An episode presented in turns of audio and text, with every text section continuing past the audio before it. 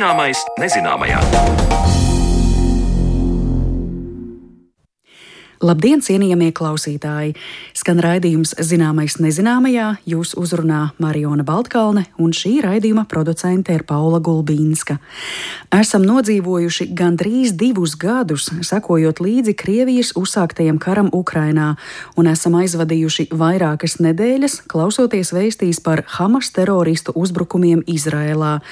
Apstākļos, kad risinās divi kari, mēs daudz dzirdam, ka tas ir piemēram arī karš starp Krieviju un Eiropu, karš starp austrumiem un rietumiem, ka tas ir kultūru karš un reliģiju karš.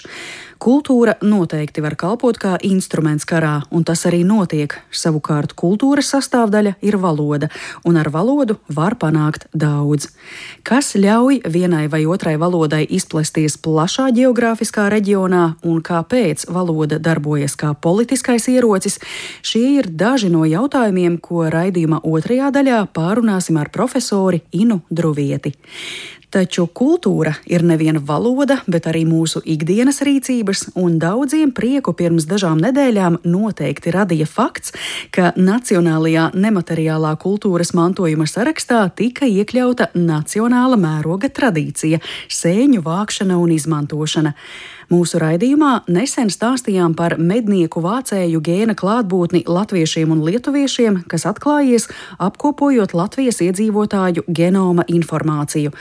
Raidījumā gan krietni plašāk runājām par to, kā genoms var ietekmēt vienas vai otras valsts iedzīvotāju noslieci uz kādu saslimšanu, bet fakts par mednieku vācēju gēnu sarunā ar Jāni Kloviņu mums, protams, ļāva viegli pajokot par latviešu vēlmi ik rudeni grozus piepildīt ar sēnēm.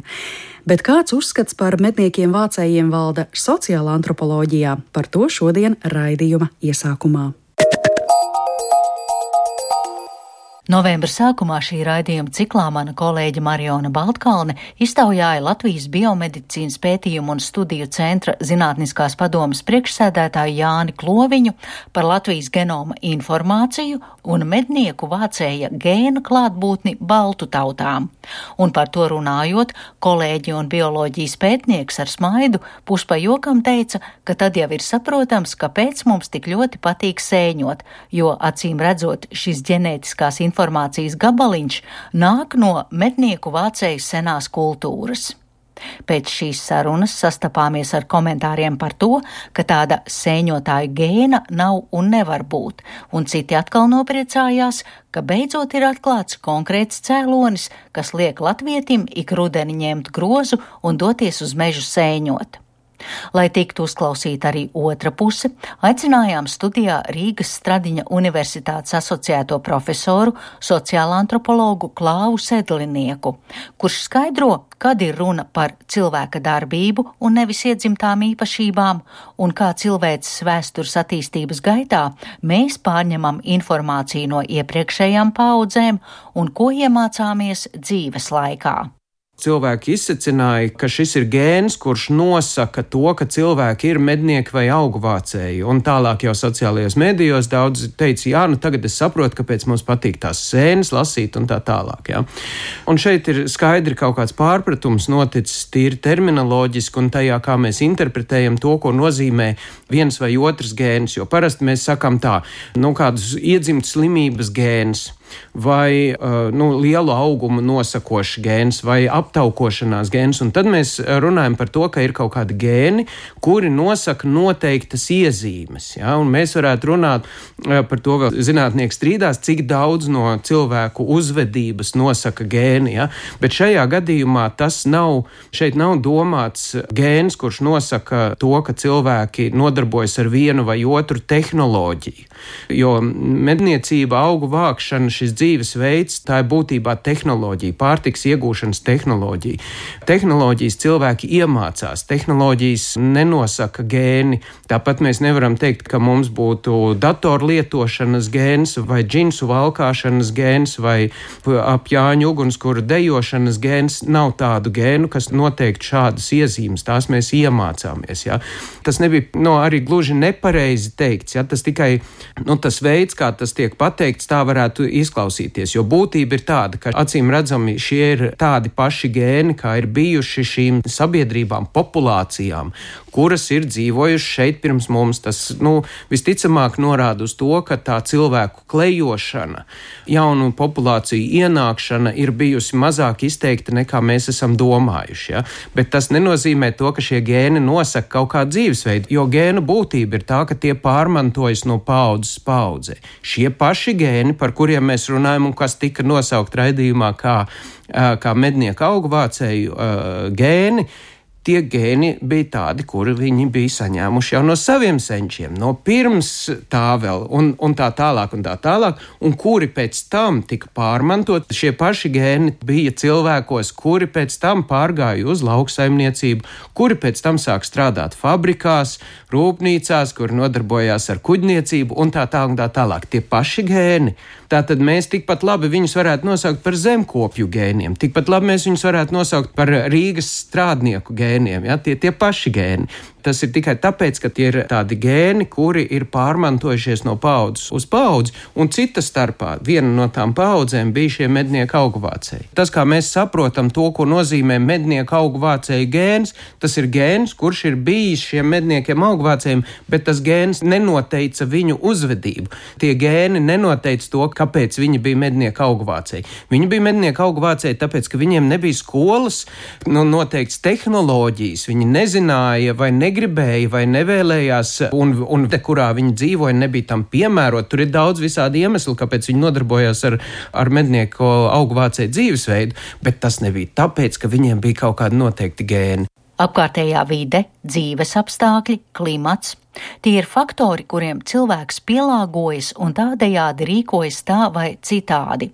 Tā teica Klaus Sedlinieks, turpinot skaidrot, kādā veidā mēs pārmantojam informāciju no saviem senčiem. Kopumā ņemot, kas attiecas uz cilvēku dzīvi, cilvēku sabiedrībā mēs esam novērojuši ārkārtīgi lielu uzvedības plastiskumu, tā saucamo. Respektīvi, mēs spējam darīt ļoti, ļoti daudz un dažādas lietas. Kā jau sākumā teicu, zinātnieki vēl joprojām strīdās par to, nu, cik tālu mēs varam runāt par to, ka kaut kādas iezīmes ir ģenētiski noteiktas. Nu, piemēram, runas aparāts, balsene, mēlē, viss pārējais, kas saistīts ar runu, plus vēl mūsu smadzeņu kapacitāte, padara iespējamu, ka cilvēki var runāt. Bet runa pati kā tāda valoda neiedzimst tā mums ir jāiemācās. Tātad mums ir dota ģenētiski noteikta kapacitāte, kuru mēs varam izmantot un mēs varam neizmantot. Bērni, kuri uzaug bez valodas, ārpus sabiedrības, nevar to iemācīties, un viņi arī nekad nesāk runāt. Tā tad tā kapacitāte ir, bet tas, kā mēs to izmantojam, tas ir iemācīts.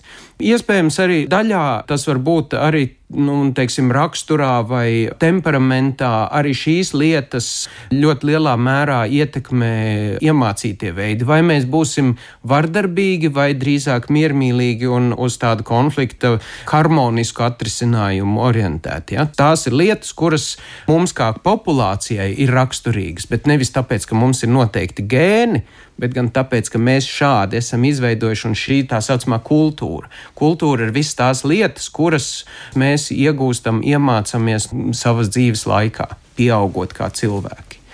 Labi, vai tas vienkārši nav jautājums par cilvēka evolūciju? Ja mēs skatāmies tagad uz cilvēks attīstības pirmsākumiem, ka taču tad bija cilvēki, un viņi bija vienkārši spiestā kārtā vai nu kļuva par medniekiem, vai par zvejniekiem, vai par vācējiem, un gadu tūkstošiem ejot, nu, tās tradīcijas vienkārši kuri pārmantoja, kur nepārmantoja, mainoties klimatam, videi, visam pārējiem.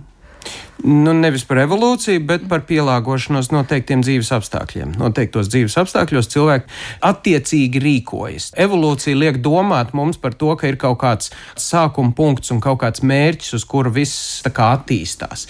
Šāda mērķa nav cilvēki dzīvo tā, lai viņi varētu labāk pielāgoties konkrētiem mērķiem, konkrētiem apstākļiem, kurā virzienā tas iet, tas nu, nav iepriekš noteikts. Un te mēs primāri jāskatās uz klimatu, vai klimats ir viens no lieliem faktoriem? Klimats ir viena, jā. protams, nu, protams. Latvieši var aizbraukt uz Grenlandi un mēģināt tur uh, piekopt savu dzīvesveidu. Grenlanda varbūt nav labākais veids kaut kur uz vēl tālākiem arktiskiem apgabaliem, ja, kuros ir mūžīgais sasalums. Bet, lai kā mēs to gribētu, lai kādi mums būtu gēni, mēs nevarēsim tur uh, sēt rudus miežus un uh, brūvēt talu no tiem, taisīt uh, ugunskura, jāņu, jo cits starpā nebūs koki, ko dedzināt, un visi mūsu lopi tur nevarēs izdzīvot. Līdz ar to vienīgais dzīvesveids, kāds ir iespējams, ja mēs nepaļaujamies uz kaut kādu industriju, kura mums pieved visu klāt, tad vienīgais ir tāds, kādu tur vietējās ziemeļtautas piekopja.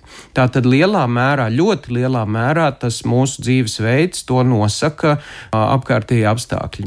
Daļa no tā, nu, piemēram, Latvijā ir pieņemts un plaši izplatīta koka būvniecība no koka. Tas tāpēc, ka mums šeit ir pirmkārt ļoti daudz koka, otrkārt diezgan maz akmeņu, salīdzinot ar citām, nu, piemēram, Dienvidu Eiropas vai Vidusjūras apkārtnes valstīm, ja, kurā ir, ir mūra akmens arhitektūra daudz izteiktāka.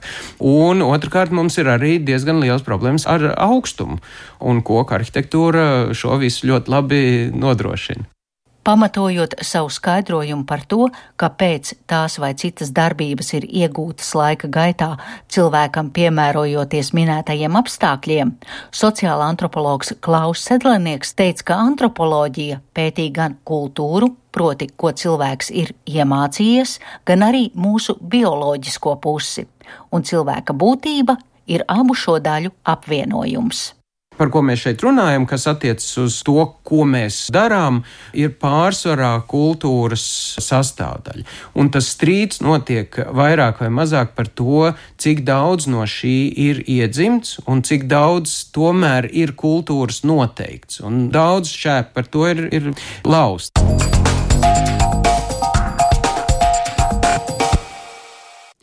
Par mednieku vācēju kopienu sociāla antropoloģijas skatījumā dzirdējāt kolēģis Zanes Lāces Baltāksnes veidoto sižetu, bet valodas gan kultūras, gan politikas skatījumā būs mūsu sarunas temats raidījuma otrajā daļā, kas sekos pēc brīža. Thank you.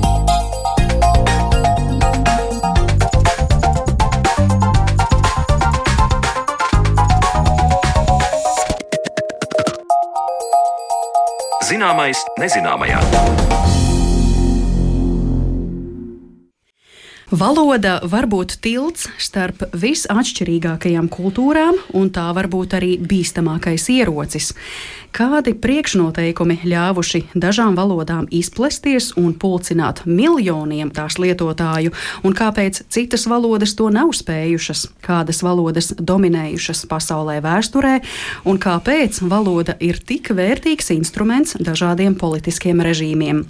Atbildes šiem jautājumiem šodien meklēsim raidījuma turpinājumā, un studijā es sveicu mūsu viesņu, un tā ir Latvijas Universitātes sociolingvistikas profesore Ina Druviete. Labdien! Labdien! Es domāju, ka sāksim ar kopainu par valodām vispār. Papētot datus, pasaulē šobrīd ir vairāk nekā 7000 valodu, bet izrādās, ka aptuveni puse no tām ir apdraudētas, un pastāv iespēja, ka tuvāko 50 gadu laikā šīs apdraudētās valodas varētu izzust.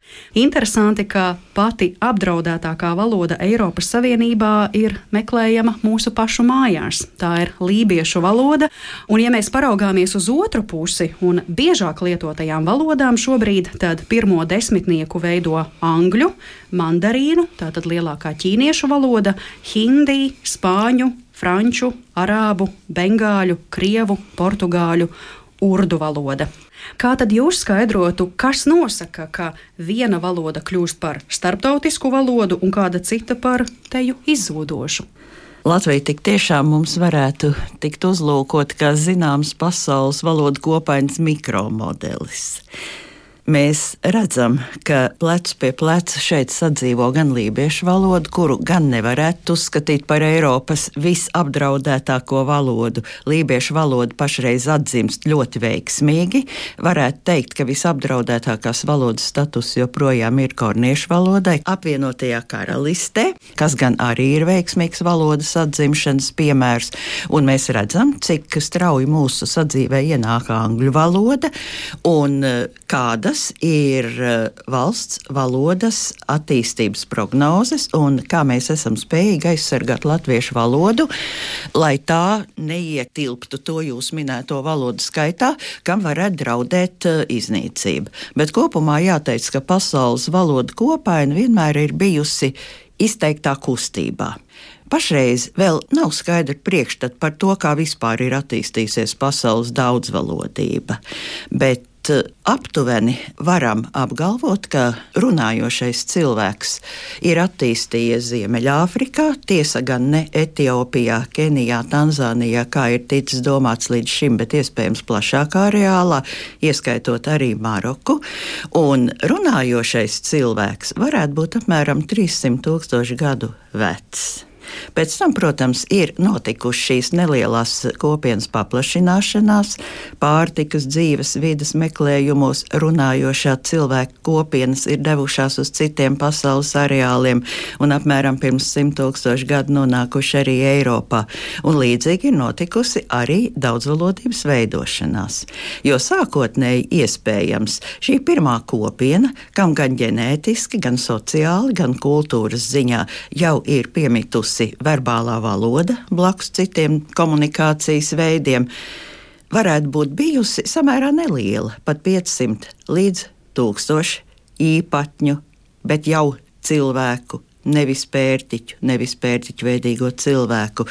Un tad pārtiks meklējumos grupas ir atdalījušās no šī sākotnējā centra.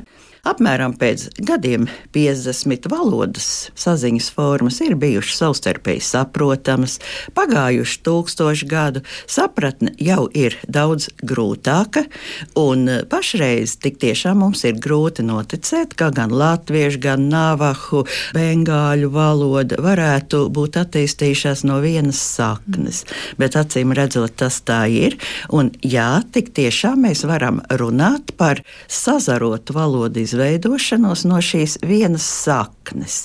Ir minējumi, ka sākotnēji šo valodu skaits varētu būt bijis pat lielāks, pat eh, no 50 līdz 100 tūkstošiem dažādu saziņas formu. Iespējams, ka šis valodu skaits ir eh, apvienojams apmēram 150 lielākās grupās, tā sauktajās valodu saimēs, un mūsdienās slēdz, kā jau jūs teicāt, ka valodu kopskaits varētu būt apmēram ap 7000. Tas ir stāsts par to, kā mēs līdz tādai krāsainai buķetei esam nonākuši, bet tas iemesls, kāpēc, piemēram, angļu, mandarīnu, hindiju valodas ir šī desmitnieka priekšgalā un kāpēc latviešu valoda ne, tas ir stāsts par iedzīvotāju skaitu, kas tās lieto kolonijām pasaules vēsturē. Stāsts ir visai sarežģīts. Skaidrs, ka nozīme ir valodas vai saziņas formas runātāju daudzumam. Nozīme ir arī šīs runātāju kopienas varas izpausmēm. Lielākoties tik tiešām spēkā ir princips, kāda vara, tāda valoda, un mēs zinām, ka tad, kad eh, pasaulē ir eh, izcēlušies nebeidzamie kari, princips ir bijis viens - uzvarētajiem etnosiem uzspiež savu valodu. Un diezgan bieži vispirms nāk valoda, un tikai pēc tam nāk politiskā un militārā vara ir neiespējami atrast vienu modeli, kā varētu izskaidrot, kāpēc pasaulē tik tiešām dominē jūsu nosauktās valodas, jo pasaules valodu daudzveidībā nav pilnīgi nekādas vienlīdzības. Mums ir apmēram 20 piecas valodas, kurās runā puse pasaules iedzīvotāju, un atlikušajās vairāk nekā septiņos tūkstošos valodu runā pārējie. Tātad vienlīdzības nav, un valodu runātāju skaits svārstās no apmēram viena miljārda, kā varētu pieminēt kaut vai šo ķīniešu valodas variantu runātājus, jo arī tā drīzāk ir variantu kopums. Un visbeidzot ar valodām kaut vai Amazonas mūža mežos, kuras runā 10, 20 cilvēku. Un jā, savulaik tik tiešām pastāvēja uzskats, ka tuvākā gadsimta laikā izzudīs vismaz puse no pasaulē runātajām valodām. Bet mēs redzam, ka tā nenotiek, ka šis globalizācijas svārsts pašreiz aizvirzās tieši uz identitātes, vietējās identitātes, tostarp kultūras un valodas saglabāšanas pusi. Un tādēļ, jā, joprojām varam runāt par apdraudētajām valodām, bet Par laimi, valodu izzušanas temps ir samazinājies. Nenoliedzami, pašreiz pasaule ir kļuvusi daudz šaurāka valodas un kultūras nozīmē nekā tas ir bijis agrāk. Angļu valoda nenoliedzami ir kļuvusi par pasaules dominējošo valodu, bet modelis, kādā izpaužas šī angļu valodas dominēšana, ir pavisam atšķirīgs no tā, kas savulaik Eiropas telpā bija piemēram latīņu valodai, Ziemeļāfrikas telpā svahilu valodai angļu valodas runātāji ir izkliedēti pasaulē. Jūs minējāt arī tādas valodas, kas nenoliedzami pieder pie pasaules visvairāk runātākajām valodām - ķīniešu, hindu, bengāļu, bet šo valodu runātāji galvenokārt ir koncentrēti vienā areālā. Bet angļu valoda geogrāfiskā ziņā pašreiz tiešām ir pasaules valoda. Tā nav tikai apvienotā karaliste, Amerikas Savienotās valsts, Austrālija, Jaunzēlanda, Nigērija. Tās ir arī vēl apmēram 50 valstis, kurās angļu valodai ir oficiāls status līdztekus kādai nacionālajai valodai. Un mēs redzam, ka pašlaik, kad liela daļa dzīves norisinās virtuālā telpā, internetā, angļu valodas dominēšana ir izteikta. Kāpēc tas tā noticis? Par to tiek izteikti visdažādākie minējumi. Jo, protams, jūs jau minējāt kolonizāciju. Tas ir eh, viens no angļu valodas globālās izplatības cēloņiem, bet mēs zinām, ka pie koloniālu valstīm pieder arī Francija, Spānija, Portugāle. Kāpēc tieši šīs valodas nav kļuvušas par tik globālu fenomenu kā angļu valoda? Tiek izteikti arī viedokļi, ka angļu valodas eh, dominants iespēja varētu būt saistīta arī ar tās lingvistisko kvalitāti, ar tomēr relatīvi vienkārši gramatisko sistēmu, ar relatīvi lielu iecietību pret valodas variantiem, tātad nepastāvēšanu uz stingru normu un vienotu standartu ievērošanu visā pasaulē. Mēs zinām, ka pašreiz ir attīstījusies tā sauktā Briseles angļu valoda, kuru mēs lielā mērā lietojam Eiropas Savienībā. Daži pētnieki arī ievieš tādu jēdzienu kā globālā angļu valoda, kas ir visai tuva tā sauktajai vienkāršajai mm. angļu valodai. Tā tad gan semantiski, gan stilistiski vienkāršāk. Bet tad es saprotu, ka tiešām tie iemesli ir atšķirīgi, jo mēs runājām par kolonijām, spāņi, portugāļi, briti, bet, teiksim, hindi vai urdu valodas gadījumā mēs it kā īsti nevaram runāt par tādu kolonizācijas politiku, bet pirmajā desmitniekā ir arī šīs valodas. Tas sasaucas tad ar lietotāju skaitu šajās geogrāfiskajās teritorijās. Šeit gan būs pilnīgi cits modelis, jo šīs abas jūs minētās valodas, tātad indoeiropiešu valodas, ir attīstījušās no vienas saknes, bet mēs redzam, cik ārkārtīgi liela nozīme arī valoda pasaulē ir eh, reliģijai un ir rakstībai. Jo valoda pasaule ne tikai ir mainīga valodu lietojuma ziņā, valoda pasaulē notiek arī izteikti konverģences un diverģences procesi. Vienkārši sakot, valodas gan saplūst, gan arī no vienas valodas var veidoties divas vai vairākas pilnīgi atšķirīgas valodas. Un, lūk, jūsu minētais hindi un urdu valodas piemērs ir apliecinājums tam, ka sākotnēji vienas cilmes valoda atšķirīgu reliģiju un rakstības tradīciju ietekmē jau pilnīgi oficiāli ir atzīstama par divām dažādām idiomām.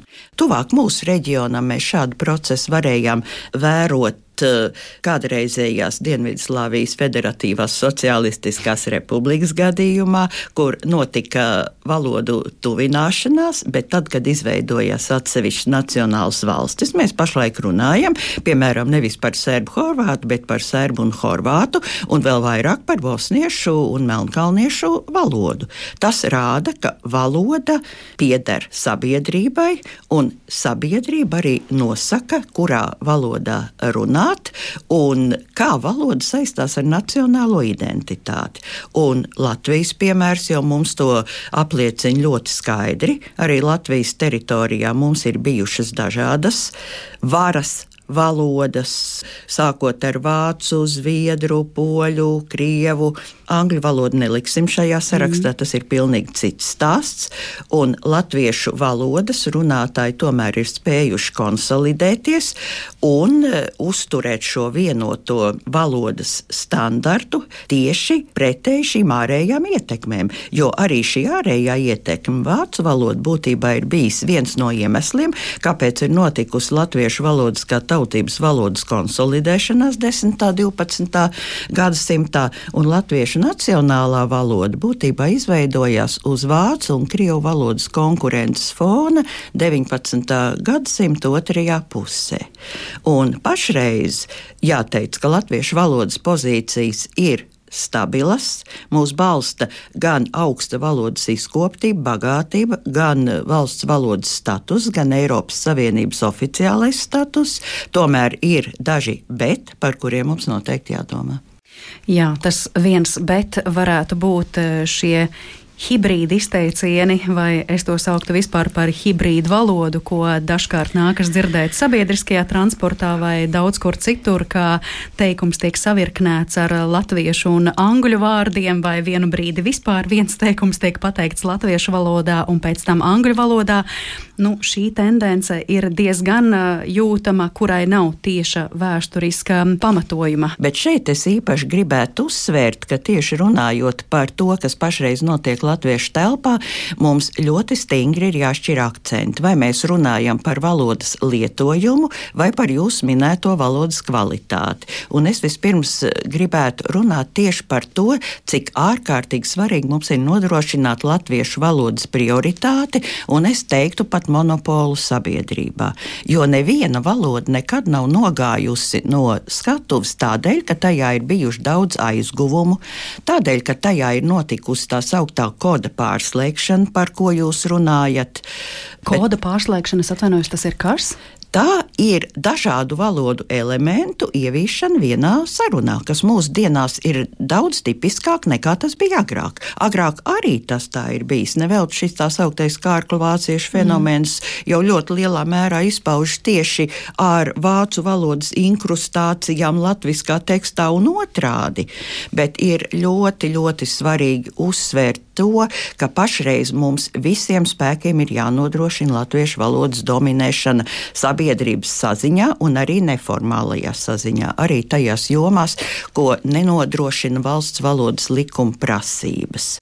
Un mums arī nevajadzētu baidīties no šīs dažādu valodu elementu sajaukšanās neformālā komunikācijā. Pašreiz tas pasaulē tiek ļoti aktīvi pētīts, tam ir dažādi nosaukumi, to sauc gan par translingvismu, gan eh, par eh, hiperglosiju hiperglosiju, gan par heteroglosiju, arī par padziļinātu koda maiņas vai koda pārslēgšanas fenomenu. Tas notiek visur, no tā mēs nevarēsim izvairīties, bet mums ir jānodrošina, lai dzīvē īstenotos principus, ko Latvijā var pateikt ļoti vienkārši, latvieti runā latviski. Pašreiz tas kļūst kritiski. Mm.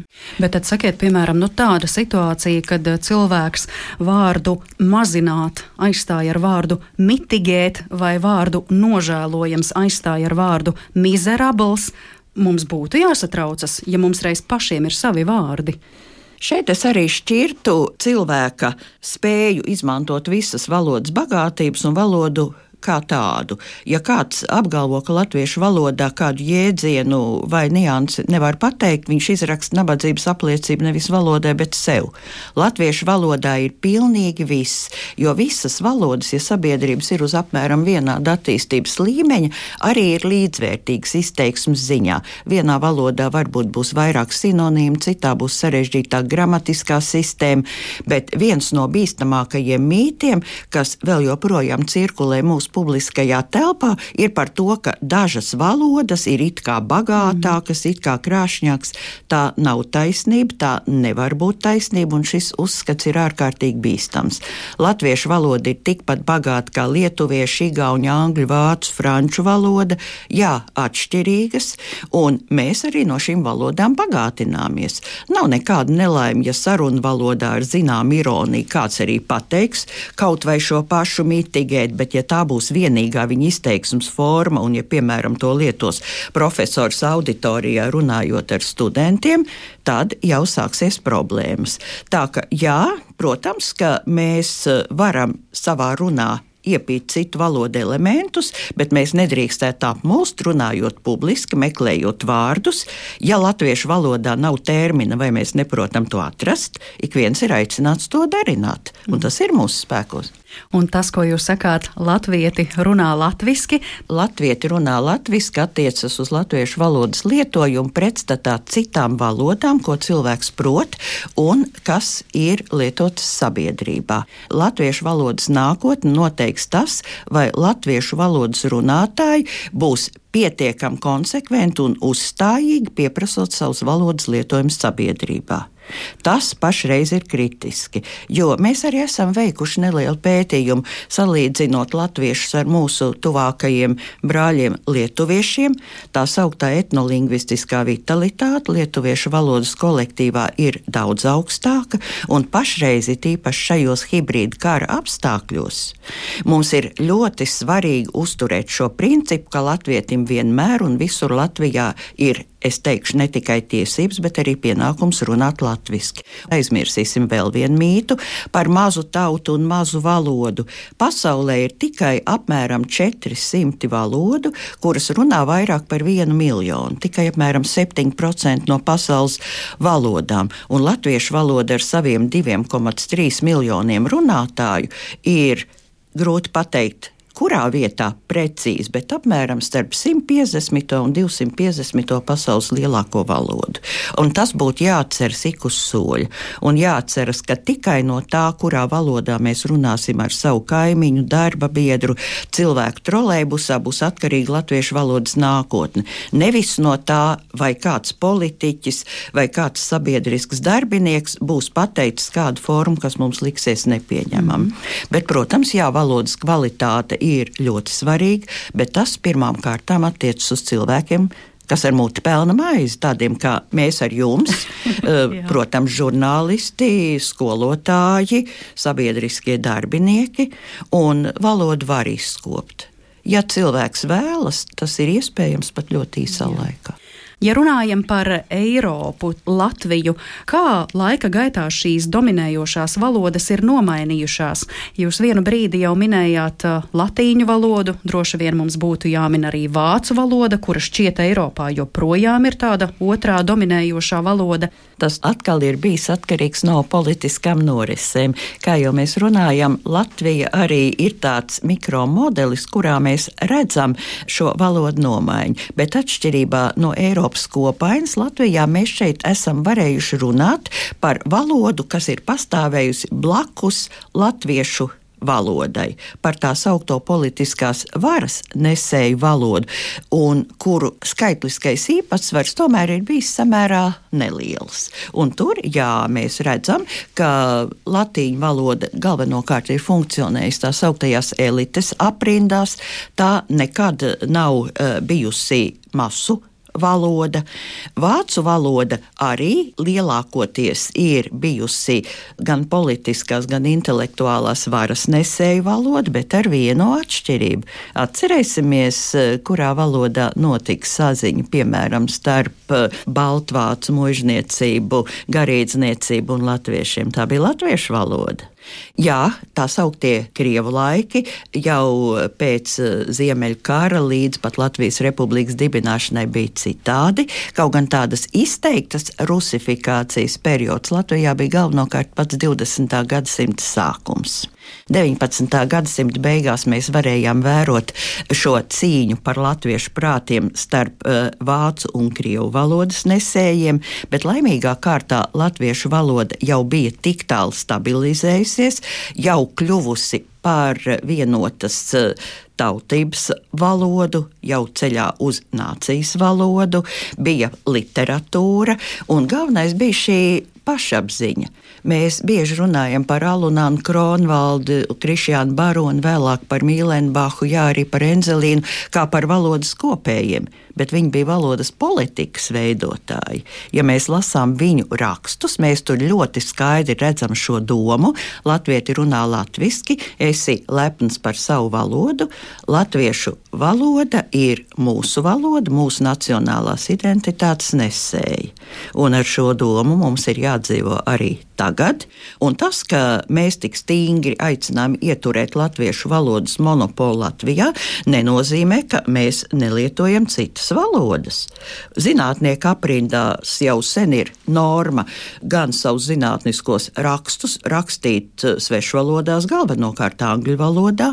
Mūsu studentiem tiek lasītas lekcijas angļu valodā, bet Latvijā, protams, pašreiz joprojām mums ir jādomā par to, ka mūsu telpā pašreiz joprojām ir pārāk plaša krievu valodas pārstāvniecība, un tur ir šī bīstamība. Mm. Angļu valoda latviešu valodas eksistence neapdraud neapdraud. Vismaz pagaidām. Tā var apdraudēt dažu runātāju latviešu valodas kvalitāti, bet krievu valoda joprojām, izvērtējot visus apstākļus, ir reāls draudz latviešu valodas pastāvēšanai, un es aicinātu to apzināties. Vēsture mūs māca, ka valstī noteiktam etnosam ir jābūt ļoti lielai stingrībai savas valodas aizsardzībā. Mm. Vēlreiz atgriežoties pie tā, ko jūs eh, sākumā minējāt, kāda vara tādā valodā runājam. Kāpēc, tad, kad valoda tiek lietota kā politisks instruments, kāpēc tas ir tik svarīgi mums panākt, ka, piemēram, okupētas teritorijas iedzīvotāji sāk šo mūsu okupantu valodu lietot? Tāpēc, kā ar valodas lietojumu mēs viņiem arī kaut ko prātos izgrozām. Sāk... Tieši tā, kas valda valodu, tas valda prātu. Tas ir uh, pilnīgi pareizs apgalvojums. Un tieši tādēļ mēs redzam, ka arī pašreiz uh, Krievijas okupētajās Ukrainas teritorijās tiek uh, darīts viss, lai no sabiedriskās aprites izsvītrotu ukraiņu valodu. Masveidā tiek ievestas krievu grāmatas, un ir ļoti liela nozīme tam, lai šeit būtu pašu iedzīvotāju aktīva pretestība šiem procesiem. Ukrainā darbojas Ukraiņu valodas tiesības sargs. Viņiem ir šis ombudu institūts, kas katru mēnesi publicē apkārtrakstus par to, kādi ir linkvocīda, tātad valodas iznīcināšanas fakti Ukraiņas okupētajās teritorijās. Latviešu valodas aģentūras mājaslapā Valoda LV mēs varam lasīt šo apkārtrakstu tulkojumus latviešu valodā, un tur pierādās tieši tas, ko mēs 30 gadus esam mēģinājuši uzsvērt runājot par Latvijas valodas politiku. Ir svarīgi nepieļaut divvalodību sabiedriskajā publiskajā telpā.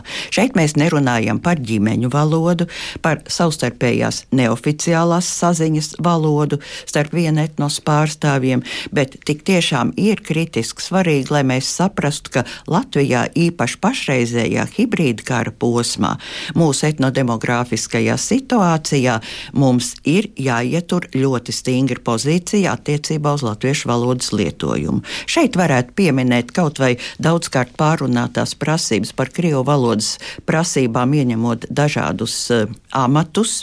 Šeit man vēl un vēlreiz ir jāatkārto, cik svarīgi ir valsts uh, amatpersonu komunikācija plašsaziņas līdzekļos. Un šobrīd ir arī ļoti plašas diskusijas par to, vai mums vispār sabiedriskos mēdījus vajag Krievu valodā. Nē, nevajag. Pilnīgi noteikti. Un šeit jārunā ne tikai par valodas, bet arī par satura aspektu. Man ir diezgan liela pieredze ar uh, plašsaziņas līdzekļiem, arī ar šiem sabiedriskajiem medijiem, un es varētu teikt, ka vismaz jautājumos, kas skar valodas un nacionālās identitātes jautājumus, parādās mums pilnīgi nepieņemams narratīvs. Cits rāmējums ir tāds termins, kur mēs lietojam komunikācijas zinātnē. Saturs mm. it kā ir viens un tas pats, bet vārdu izvēle, akcentu izvietošana pilnīgi noteikti neveicina to, ko mēs saucam par sabiedrības saliedētību Latvijā.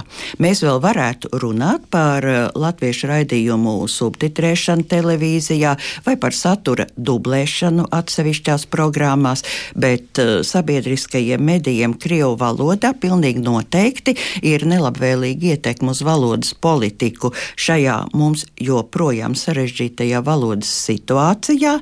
Un jāņem vērā fakts, pati divvalodības eksistence publiskajā telpā latviešu valodas pozīcijas vājina. Varētu likties, ka tas, ko es saku, ir pārāk skarbi, bet uh, mums ir jāmācās no citu valstu pieredzes, mums ir jāmācās no vēstures. Šeit es gribētu arī aicināt šo krievu valodā raidošo plašsaziņas līdzekļu darbiniekus un vadību un neplu un seplu uzņemties atbildību un žurnālistiem lūgt raidījumu dalībniekus runāt valsts valodā. It īpaši amatpersonas. Tas ir pilnīgi nepieņemami, ka Latvijas valsts amatpersonas Latvijas valsts plašsaziņas līdzekļos, vienalga kurā valodā raidošos, nerunā Latvijas valsts valodā, jo tas ir piemērs, tas ir signāls, tas iekonservē šo sabiedrības priekšstatu par Latviju kā it kā bilingvālu valsti, un tas pilnīgi noteikti mūsu situācijā var izrādīties kritisks apdraudētais faktors. Es nevaru nepakavēties arī pie jēdziena krievalodīgie, jo ar šo vienu vārdu mēs arī ļoti labi redzam valodas ietekmi uz mūsu domāšanu. Šis jēdziens bieži tiek attiecināts uz Putinu, taču krievalodīgie jeb ruskaja zičnī nav konkrēti Putina ieviests, tomēr ir ļoti skaidri redzams, ka pēc PSRS sabrukuma Krievijai bija nozīmīgi paturēt savu valodas varu bijušajās kolonijās, tātad arī Latvijā, un šo varu var uzturēt uzturēt, ja tiek ieviests un aktīvi uzturēts termins krievalodīgie. Dzēniece un publiciste Liāna Langa, atsaucoties uz dažādām publikācijām presē kopš pagājušā gadsimta 80. gadu beigām, vienā nesenā rakstā tieši skaidrojusi, kā šis jēdziens krievalodīgie pamazām nostiprinājies. Protams, to vēlāk ir daudz izmantojis arī Putins, runājot gan par atbalstu krievalodīgo presei, krievalodīgo skolu būvniecībai Kirgistānā. Un tā jau arī sanāk, ka lietojot vienu jēdzienu krievalodīgie, mēs jau nemaz nezinām, cik daudz tur ir runa patiešām par krieviem un cik daudz par padomju impērijas pārkrievotiem gruzīniem, armēņiem, baltkrieviem un tā tālāk. Un, eh, kā raksta Langa, šādā veidā tiek mākslīgi palielināts Krievijai mentāli un lingvistiski piederīgo skaits. Un visbeidzot, arī tiesnese Ineta Ziemele nesen norādījusi, ka, citēju, mēs nedrīkstam vispār teikt krieviski runājošie vai minoritāte, citāta beigas, jo tādā veidā mēs paši turpinām Krievijas federācijas 25 gadu garumā īstenoto propagandu.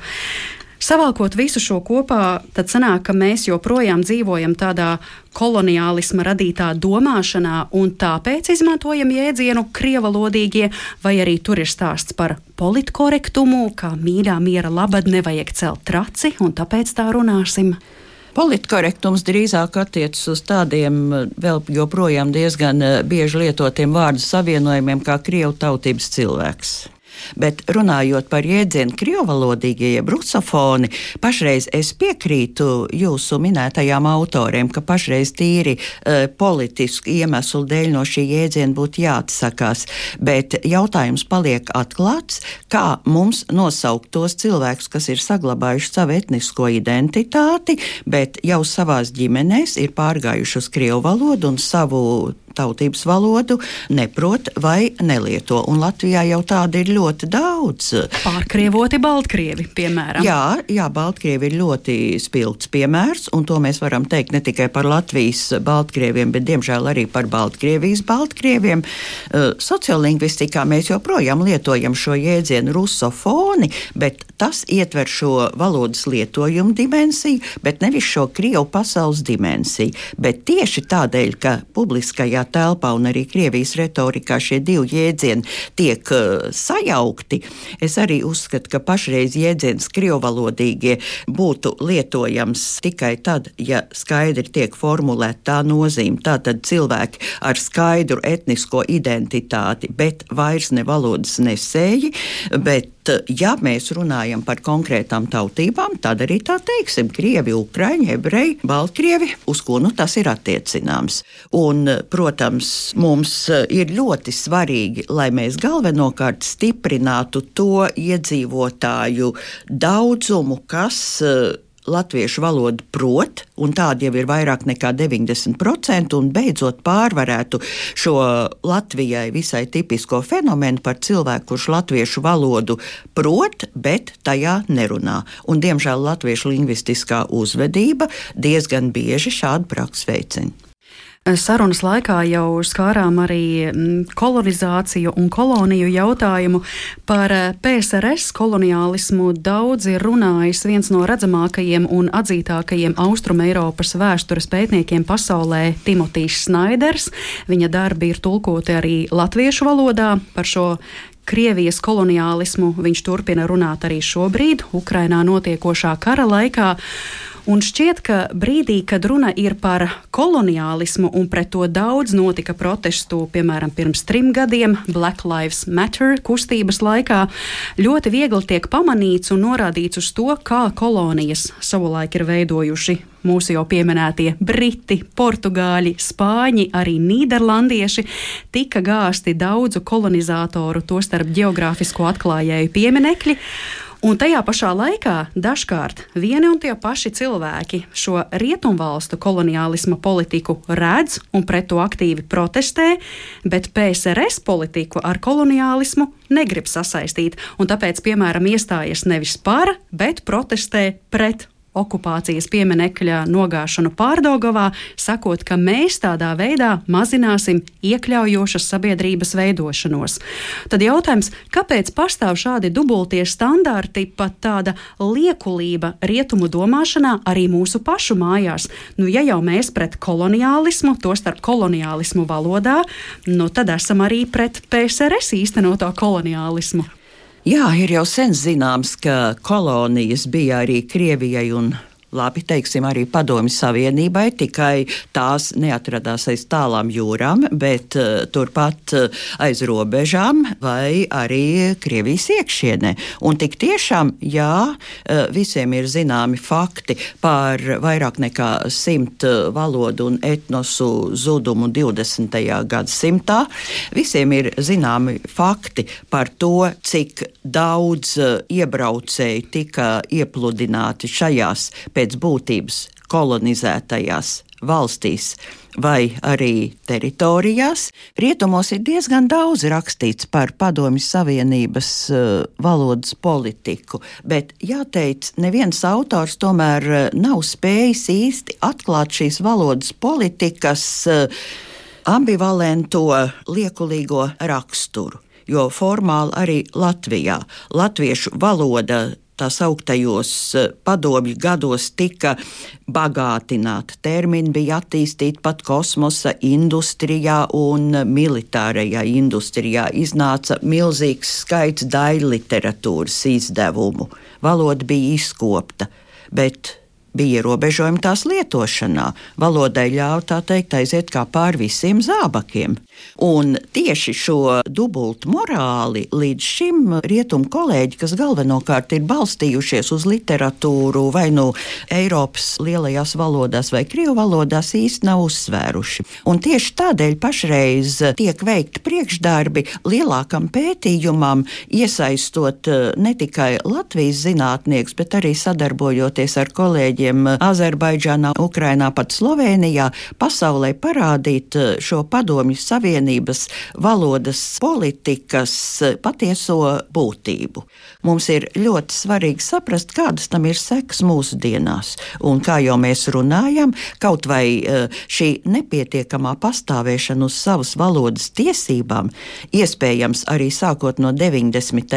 gadiem kļūdainā integrācijas politika, ir radījuši šo realitāti, par ko mēs tagad runājam. Ir pagājuši 30 gadi kopš Latvijas neatkarības atjaunošanas un 35 gadi kopš valsts valodas status latviešu valodai, bet jāteic, izņemot formālu latviešu valodas pratēju skaita pieaugumu valodas lietojumu oficiālajās funkcijās, ir noticis visai maz pārmaiņu gan latviešu, gan arī Latvijas krievu, un šeit lietosim šo jēdzienu cilvēku, kuri krievu valodu lieto ģimenēs, domāšanā un uzvedības modelī. Un tas tiešām var būt bīstami, jo mēs redzam, ka šī sistēma tiek reproducēta arī jaunākajā paudzē. Mm. Lai mums izdodas mainīt mūsu skolu sistēmu un līdz ar to šo praksi, bet diemžēl tā joprojām ir realitāte, par ko valodnieki ir brīdinājuši jau kopš 90. gadu sākuma, bet diemžēl īsti nesam sadzirdēti. Mm. Latviešiem ir jāapzinās, ka latviešu valoda ir liela valoda,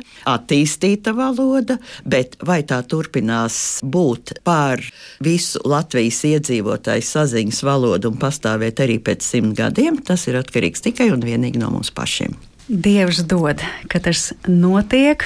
Zināmais nezināmajā studijā mēs tikāmies ar Latvijas Universitātes sociolingvistikas profesori Inu Druvieti. Paldies jums par sarunu. Paldies! Un mūsu raidījums ar to šodien arī izskan. Par to gādāja Paula Guldīnska, Reinis Budze, Girts Bišs un pie mikrofona bija Mariona Baltkalne patīkamu šīs dienas turpinājumu un uz sadzirdēšanos atkal citu reizi. Visu labu!